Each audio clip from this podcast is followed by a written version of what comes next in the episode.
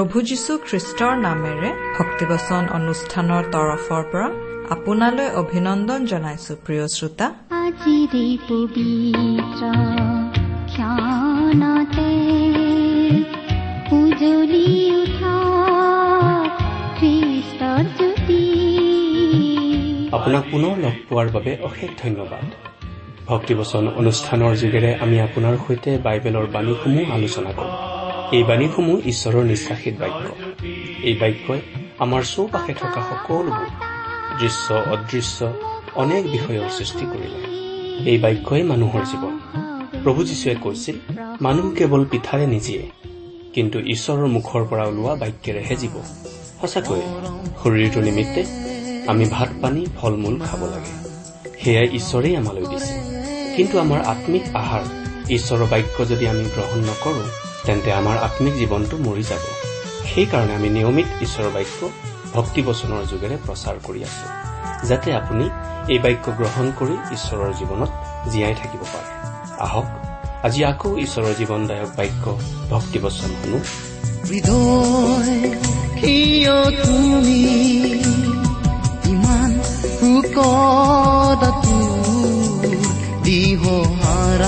তুমি আজি। দৰে এখনতে কৈ ভাবি গুণি চোৱা তোমাক ঈশ্বৰে কিমান মৰম কৰে।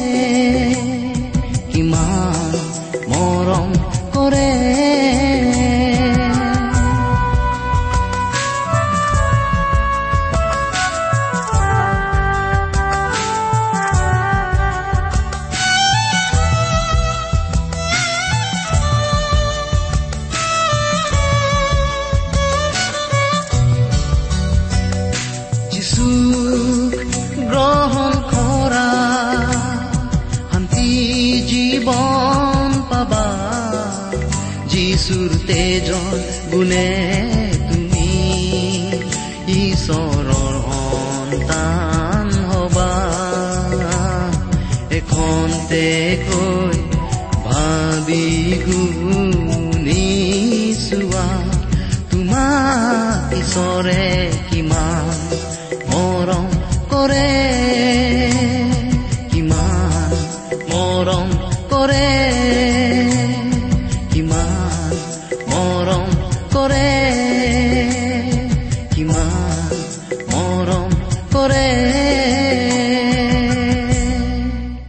আমাৰ মহান ত্ৰাণকৰ্তা প্ৰভু যীশুখ্ৰীষ্টৰ নামত নমস্কাৰ প্ৰিয় শ্ৰোতা। আশা কৰো আপুনি আমাৰ মহান পিতা পৰমেশ্বৰৰ মহান অনুগ্ৰহত ভালে কুশলে আছে। প্ৰিয় শ্ৰোতা আমাৰ বহুতো শ্ৰোতাই আমালৈ চিঠি লিখে আৰু এই অনুষ্ঠান শুনি উপকৃত হোৱা বুলি বহুতেই আমাক জনায়। তেনেকুৱা চিঠিবোৰে আমাক কাম কৰি যাবলৈ যথেষ্ট উৎসাহ যোগায়। আপুনি বাৰু কেতিয়াবা আমালৈ চিঠি লিখিছেনে? অনুগ্ৰহ কৰি আজি এই দুখাৰিমান লিখি পঠিয়াবচোন। এই অনুষ্ঠানযোগে প্ৰচাৰ কৰা কোনো কথা অধিককৈ বুজিবলগীয়া থাকিলেও আমালৈ লিখিব পাৰে। আহকচোন আজিৰ বাইবেল অধ্যয়ন আৰম্ভ কৰাৰ আগতে খন্তেক প্ৰাৰ্থনাত মূৰ দুৱাওঁ। স্বৰ্গত থকা মৰমীয়াল পিতৃ ঈশ্বৰ তোমাক ধন্যবাদ জনাওঁ কাৰণ তোমাৰ মহান বাক্য বাইবেল শাস্ত্ৰ অধ্যয়ন কৰিবলৈ তুমি আমাক আকৌ এটা সুযোগ দান কৰিছা। তোমাক শতকোটিবাৰ ধন্যবাদ জনাওঁ কাৰণ তুমি তোমাৰ একেজাত পুত্ৰ যীশুখ্ৰীষ্টৰ জৰিয়তে আমালৈ অনন্ত জীৱনৰ আশীৰ্বাদ বিনামূল্যে আগবঢ়াইছা। এতিয়া আহা তোমাৰ বাক্য তুমিয়েই আমাক বুজাই দিয়া। আমাৰ মৰমৰ শ্ৰোতাসকলক উপচি পৰাকৈ তুমি আশীৰ্বাদ কৰা। তেওঁলোকৰ সকলো প্ৰয়োজনৰ কথা তুমিহে ভালদৰে জানা আৰু সেই সকলো তুমিয়েই পূৰণ কৰা। কিয়নো এই প্ৰাৰ্থনা আমাৰ মহান ত্ৰাণকৰ্তা প্ৰভু যীশুখ্ৰীষ্টৰ নামত আগবঢ়াইছো।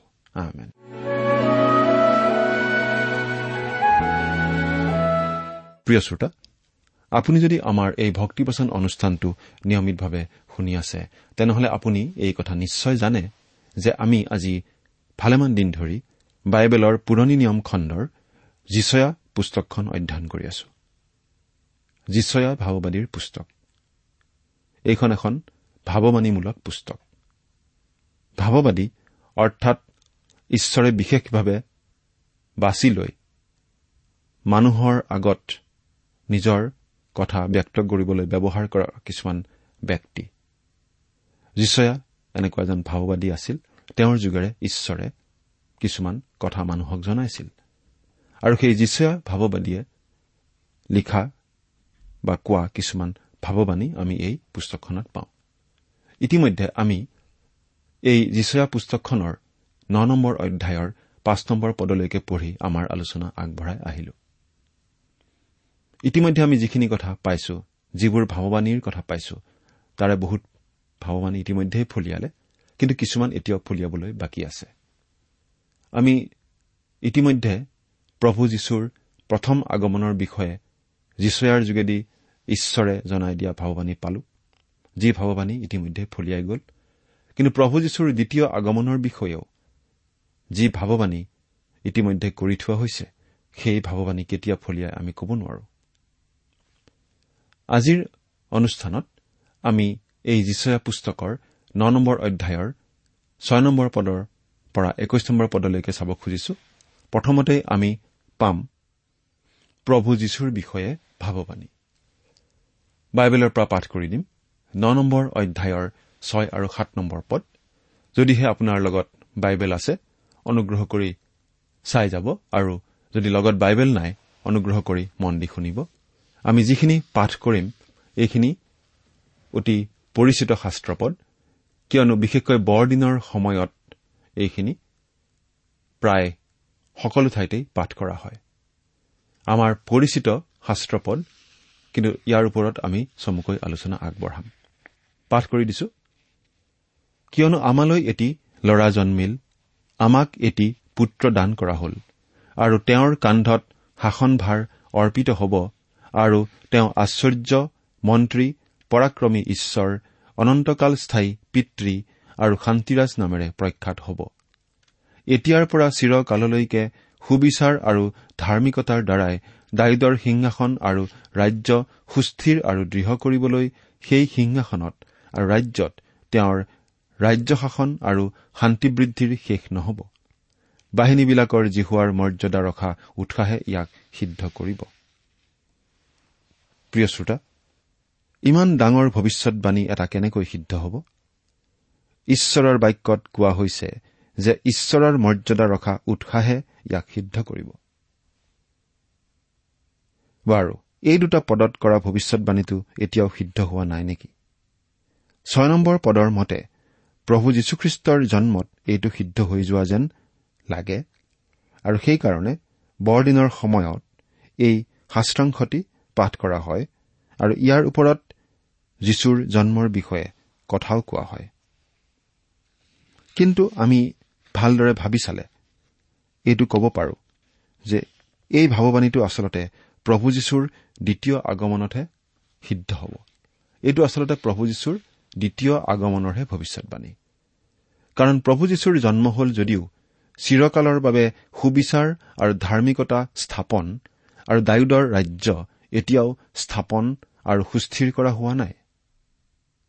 কিন্তু তিনি নম্বৰ অধ্যায়ত পাই অহা ভৱিষ্যৎবাণীটোৰ ভাৱটো ইয়াত ক্ৰমে আগুৱাই লৈ অহা হৈছে। তাৰমানে এই ভৱিষ্যৎবাণীটো এতিয়াও সিদ্ধ হোৱা নাই এইবুলি আমি ক'ব পাৰো। প্ৰভু যীশুৰ প্ৰথম আগমনৰ ভৱিষ্যৎবাণীটো এই পুস্তকৰেই তেপন্ন নম্বৰ অধ্যায়তহে আচলতে ভালদৰে কৰা হৈছে। এইখিনিতে আমাৰ মনলৈ সততেই আহে যে আমালৈ এটি ল'ৰা জন্মিল। তাৰ দ্বাৰা যীশুৰ জন্মৰ কথা কোৱা হোৱা নাই জানো? ইয়াৰ উত্তৰটো আমি আপোনাক সহজ সৰলভাৱে কবলৈ ওলাইছো শুনিবচোন। প্ৰভু যীশু প্ৰথম আগমনত আমাৰ বাবে বা ইছৰাইল জাতিৰ বাবে অহা নাছিল। তেওঁ তেওঁৰ নিজৰ বাবেহে আহিছিল। এই বিষয়ে জোহনে লিখা শুভবাৰ্তা এক নম্বৰ অধ্যায়ৰ এঘাৰ নম্বৰ পদত এইদৰে কোৱা হৈছে। তেওঁ নিজৰ আধিপত্যলৈ আহিল কিন্তু তেওঁৰ নিজৰ লোকে তেওঁক গ্ৰহণ নকৰিলে। অৰ্থাৎ তেওঁ ইছৰাইলৰ বৈতলেহেমত জন্মগ্ৰহণ কৰিছিল যদিও ইছৰাইলে তেওঁক গ্ৰহণ কৰা নাছিল। মাত্ৰ কেইজনমান ভেড়াৰখীয়াইহে তেওঁক গ্ৰহণ কৰিছিল। তাৰ বাহিৰে দূৰ দেশৰ পৰা যিকেইজন জ্ঞানী পণ্ডিত আহিছিল তেওঁলোক পৰজাতীয় লোক আছিল ইছৰাইলীয়া লোক নাছিল। সেইকাৰণে এই দুটি পদ আপুনি যদি ভালদৰে পঢ়ে তেন্তে বুজিব পাৰিব যে এইটো যীশুখ্ৰীষ্টৰ প্ৰথম আগমনৰ ভৱিষ্যৎবাণী নহয়। প্ৰিয় শ্ৰোতা যীশুখ্ৰীষ্ট ইছৰাইল জাতিলৈ জন্ম হ'ব বুলি কোৱাতকৈ ইছৰাইল এটা সময়ত জাতি হিচাপে জন্ম হ'ব বুলি কোৱাটোহে বেছি স্পষ্ট। এই বিষয়ে যিচয়া পুস্তকৰ শেষৰ অধ্যায়টিত স্পষ্টকৈ কোৱাও হৈছে। এই বিষয়ে যিচয়া ছয়ষষ্ঠি নম্বৰ অধ্যায়ৰ সাত আৰু আঠ পদত এইদৰে কোৱা হৈছে। বেদনা হোৱাৰ পূৰ্বেই চিউনে প্ৰসৱ কৰিলে। গৰ্ভবেদনা নৌ হওঁতেই তেওঁৰ এটি পুত্ৰ সন্তান জন্মিল। এনে কথা কোনে শুনিলে? এনে কৰ্ম কোনে দেখিলে? একেদিনাই জানো কোনো দেশ উৎপন্ন হয়? বা কোনো জাতি জানো একেবাৰে প্ৰসৱ হ'ব পাৰে? কিয়নো চিউনে গৰ্ভবেদনা পোৱা মাত্ৰে নিজৰ সন্তানবিলাকক প্ৰসৱ কৰিলে। ভৱিষ্যতে এজন মানুহৰ সন্তানৰ হাতৰ পৰা ইছৰাইলক উদ্ধাৰ কৰা হ'ব। আৰু এই উদ্ধাৰ যীশুখ্ৰীষ্টৰ জন্মৰ দ্বাৰা নহয় কিন্তু ইছৰাইলৰ জন্মৰ দ্বাৰাইহে। অৰ্থাৎ যীশুখ্ৰীষ্ট যেতিয়া পুনৰ আহিব তেতিয়া ইছৰাইলৰ নতুনকৈ জন্ম হ'ব। আৰু এই ইছৰাইলক মানুহৰ সন্তানৰ হাতৰ পৰা যীশুৱে উদ্ধাৰ কৰিব। আৰু তেতিয়াহে ছয় আৰু সাত নম্বৰ পদ দুটি প্ৰকৃততে সিদ্ধ হ'ব। এতিয়া ছয় আৰু সাত নম্বৰ পদত কোৱা কথাখিনি এটি এটিকৈ চাওঁ আহক। তেওঁৰ কান্ধত শাসনভাৰ অৰ্পিত হ'ব। প্ৰিয় শ্ৰোতা কান্ধে শক্তিক বুজায়। প্ৰভু যীশু যেতিয়া পুনৰ আহিব তেতিয়া তেওঁৰ ওপৰত গোটেই জগতৰ শাসনভাৰ অৰ্পণ কৰা হ'ব আৰু তেওঁ সকলোকে শাসন কৰিব। এইবাৰ চাওঁহক আশ্চৰ্য মানে কি? প্ৰভু যীশুৰ ক্ষেত্ৰত আশ্চৰ্যটো এটা বিশেষণ বা গুণ নহয় এয়া তেওঁৰ এটি নাম। যীহুচোৱা পুস্তকত যীশুৱে স্বৰ্গীয় বাহিনীবিলাকৰ অধিনায়ক হৈ যীহুচোৱাক দেখা দিছিল আৰু তেতিয়া যীহুচোৱাই সেই অধিনায়কৰ নাম সোধোতে তেওঁ কৈছিল মোৰ শক্তি দেখিও মোৰ নাম কিয় সুধিছা? মুঠি এঘাৰ নম্বৰ অধ্যায়ৰ সাতাইছ নম্বৰ পদত প্ৰভু যীশুৱে কৈছে পিতৃৰ বাহিৰে কোনেও পুত্ৰক নাজানে। পুত্ৰৰ বাহিৰে আৰু পুত্ৰই যিকোনোৰ আগত তেওঁক প্ৰকাশ কৰিবলৈ ইচ্ছা কৰে তেওঁৰ বাহিৰে কোনেও পিতৃক নাজানে। হয় প্ৰিয় শ্ৰোতা প্ৰভু যীশু যে আশ্চৰ্য এই কথা মানুহে আগতে জনা নাছিল আৰু আজিও নাজানে। আনকি যিসকলে যীশুখ্ৰীষ্টক নিজৰ জীৱনৰ পৰিত্ৰতা প্ৰভুৰূপে গ্ৰহণ কৰিছে তেওঁলোকেও যীশুক ভালদৰে নাজানে। আনকি মই নিজেও যীশুক ভালদৰে জানিছো বুলি দাবী কৰিব নোৱাৰো। আজি পৃথিৱীৰ বুকুত অনেক বিদ্ৰোহ সন্ত্ৰাস উগ্ৰবাদ চলি আছে। এইবোৰৰ সমাধান কোনেও কৰিব পৰা নাই। বৰং দিনক দিনে এই সমস্যাবোৰ বেছিহে হ'ব লাগিছে। প্ৰভু যীশু যেতিয়া পুনৰ আহিব তেতিয়া তেওঁ এই সকলোবিলাক পৃথিৱীৰ বুকুৰ পৰা নাইকিয়া কৰিব। অতি আচৰিত কথা যেন আমাৰ লাগিব।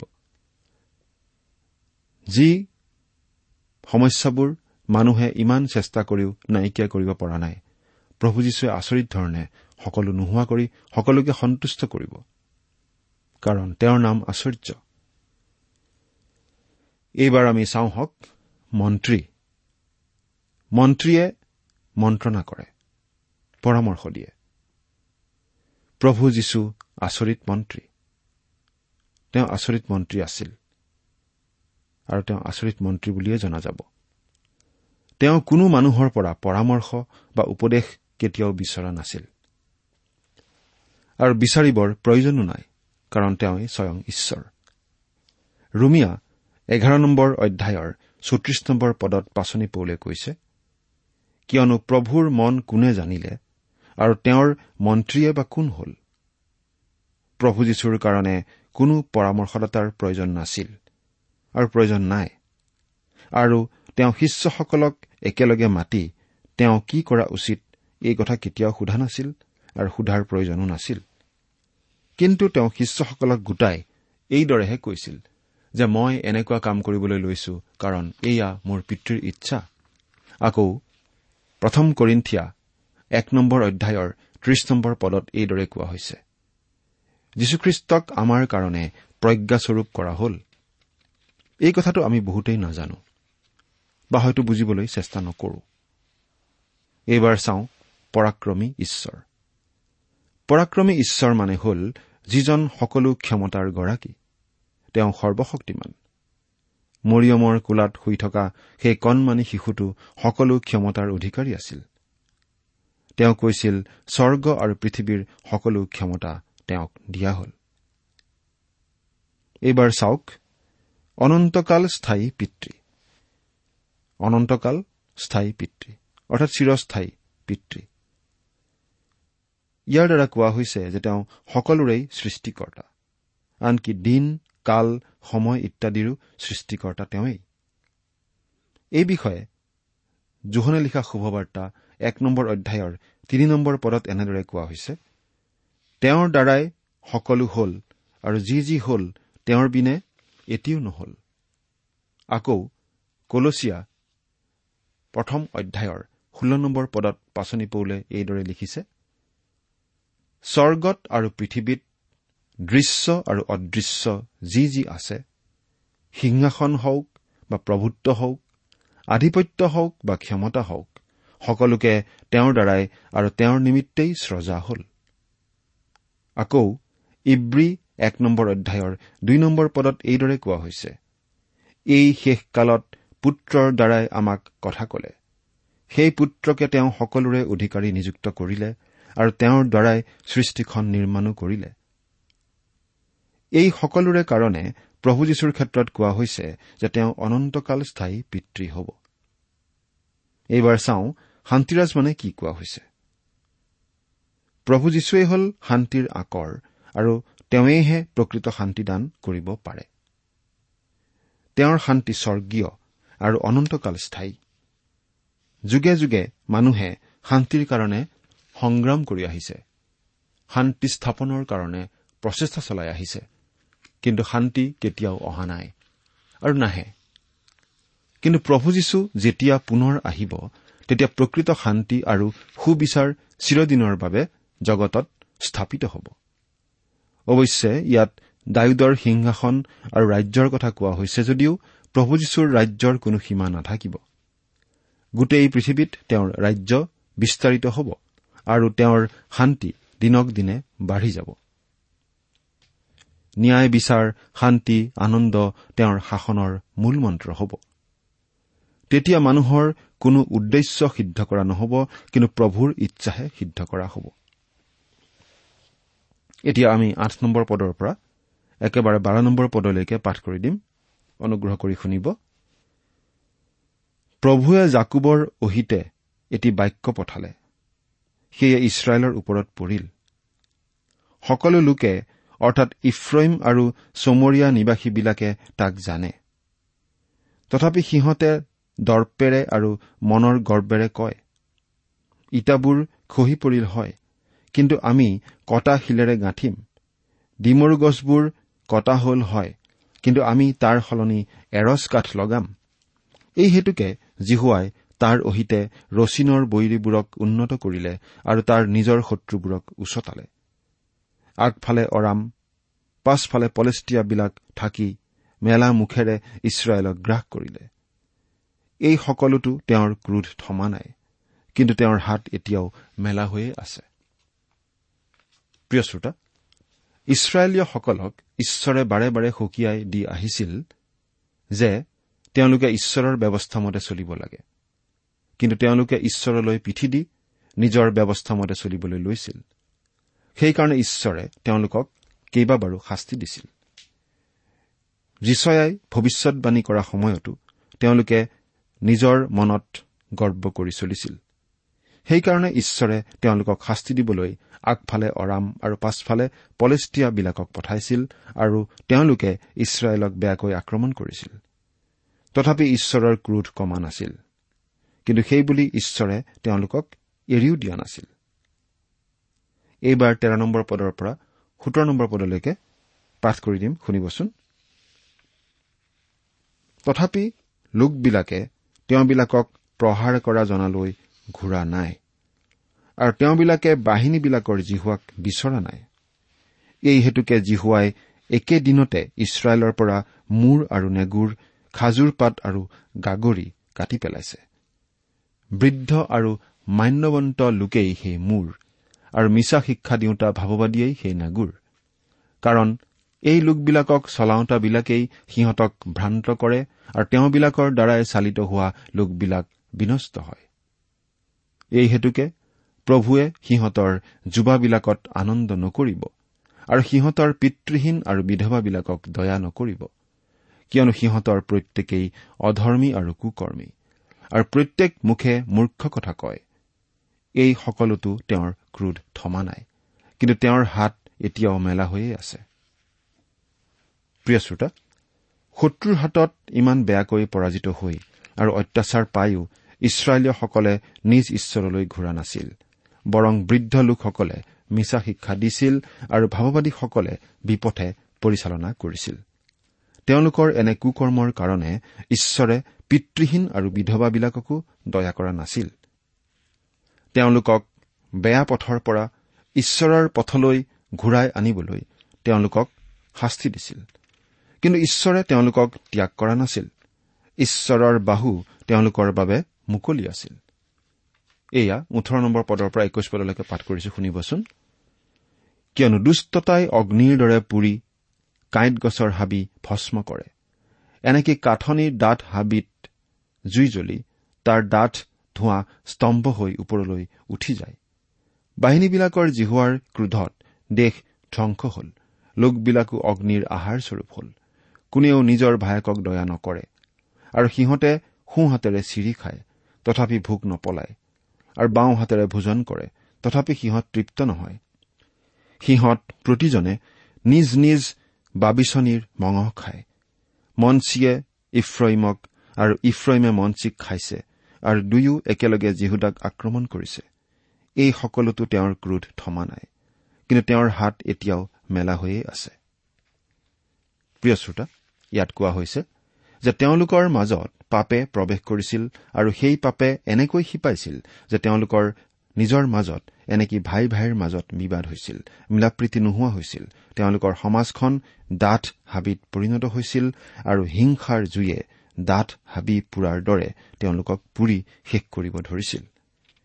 ইমানতো কিন্তু ঈশ্বৰৰ ক্ৰোধ কমা নাছিল কিন্তু ঈশ্বৰৰ বাহু তেওঁলোকৰ বাবে মেলা আছিল। এইবিলাক সেই সময়ত ইছৰাইলৰ মাজত চলি থকা সমস্যা আছিল। যিচয়া ভাওবাদীয়ে এইবিলাক তেওঁলোকক আগতে জনাই দিছিল। এইবিলাকৰ বেছিভাগ ইতিমধ্যে সিদ্ধ হৈ গৈছে আৰু কিছুমান সিদ্ধ হবলৈ এতিয়াও বাকী আছে। বাকী থকাবিলাক মহাক্লেশৰ কালত একেবাৰে সিদ্ধ হ'ব। কিন্তু সেই সময়লৈকে ঈশ্বৰে ইছৰাইলক শাস্তি দি থাকিব কাৰণ তেওঁলোকে ঈশ্বৰলৈ পিঠি দিছিল। আজিৰ আধুনিক মানুহে এই কথা শুনিবলৈ ভাল নাপায়।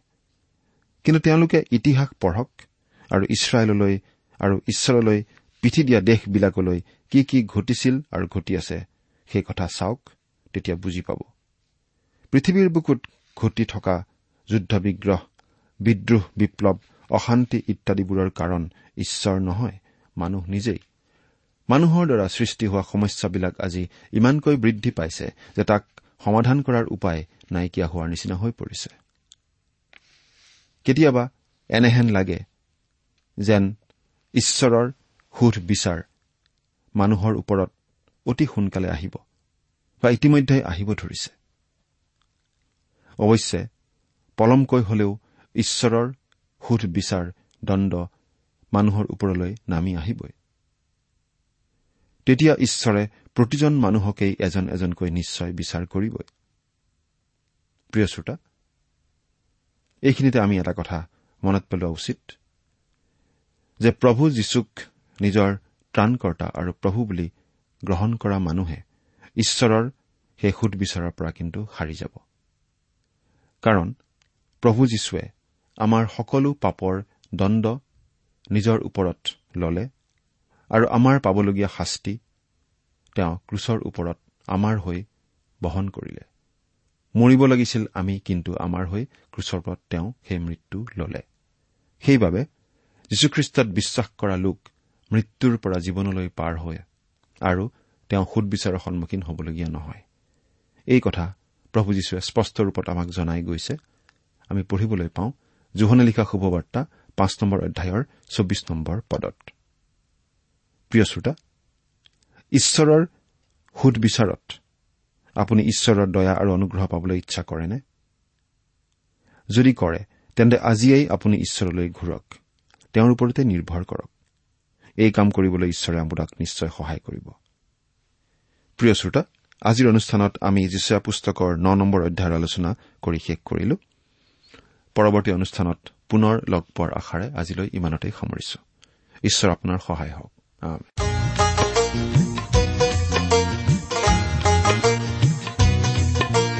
ইমান পৰে আপুনি বাইবেল শাস্ত্ৰৰ পৰা ঈশ্বৰৰ বাক্য শুনিলে। এই বিষয়ে আপোনাৰ মতামত জানিবলৈ পালে আমি নথৈ আনন্দিত হ'ম। আমি প্ৰস্তুত কৰা বাইবেল অধ্যয়নৰ চিডিসমূহ পাব বিচাৰিলে আৰু অনুষ্ঠানত প্ৰচাৰ কৰা কোনো কথা বুজিব লগা থাকিলেও আমালৈ লিখক। আমাৰ যোগাযোগৰ ঠিকনা ভক্তিবচন ট্ৰান্সৱৰ্ল্ড ৰেডিঅ' ইণ্ডিয়া ডাক বাকচ নম্বৰ সাত শূন্য গুৱাহাটী সাত আঠ এক শূন্য শূন্য এক। ঠিকনাটো আকৌ এবাৰ কৈছো ভক্তিবচন ট্ৰান্স ৱৰ্ল্ড ৰেডিঅ' ইণ্ডিয়া ডাক বাকচ নম্বৰ সাত শূন্য গুৱাহাটী সাত আঠ এক শূন্য শূন্য এক। আমাৰ ইমেইল এড্ৰেছটো হৈছে Assamese T TV at the rate radio' eight eight two dot com আমাৰ website W W W dot T W R dot in আপুনি টেলিফোনৰ মাধ্যমেৰেও আমাক যোগাযোগ কৰিব পাৰে। আমাৰ টেলিফোন নম্বৰটো হৈছে nine eight five four zero' four zero' eight eight nine. Phone নম্বৰটো আকৌ এবাৰ কৈছো ন আঠ পাঁচ চাৰি শূন্য চাৰি শূন্য আঠ আঠ ন। আপুনি এই ভক্তিবচন অনুষ্ঠানটি আমাৰ website W W W dot radio' eight eight two dot কমতো শুনিব পাৰিব। আজিৰ অনুষ্ঠানটি ইমানতেই সামৰিছো। ঈশ্বৰৰ শান্তি আৰু অনুগ্ৰহ আপোনাৰ লগত থাকক। ধন্যবাদ। যিশুৱে তোমাক মাতিছে আজি যিশুৱে তোমাক মাতিছে আজি যিশুৱে তোমাক মাতিছে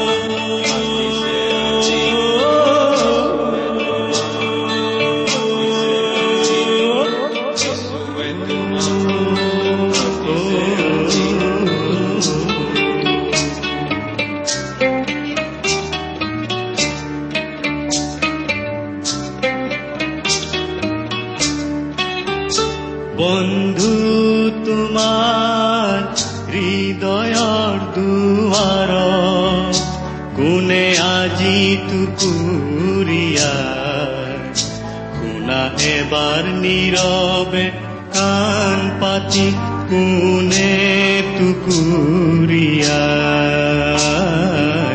কোনে বাৰু টুকুৰীয়া যিশুৱে তোমাক মাতিছে আজি। যিশুৱে তোমাক মাতিছে আজি।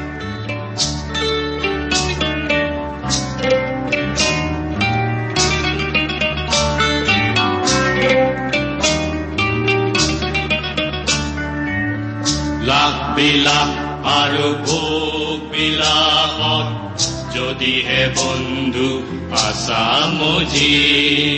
লাহ বিলাস আৰু ভোগ বিলাসত যদিহে বন্ধু আছা মজি।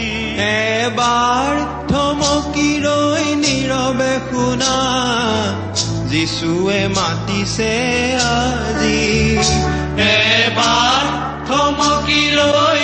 নীৰৱে শুনা যিশুৱে মাতিছে আজি।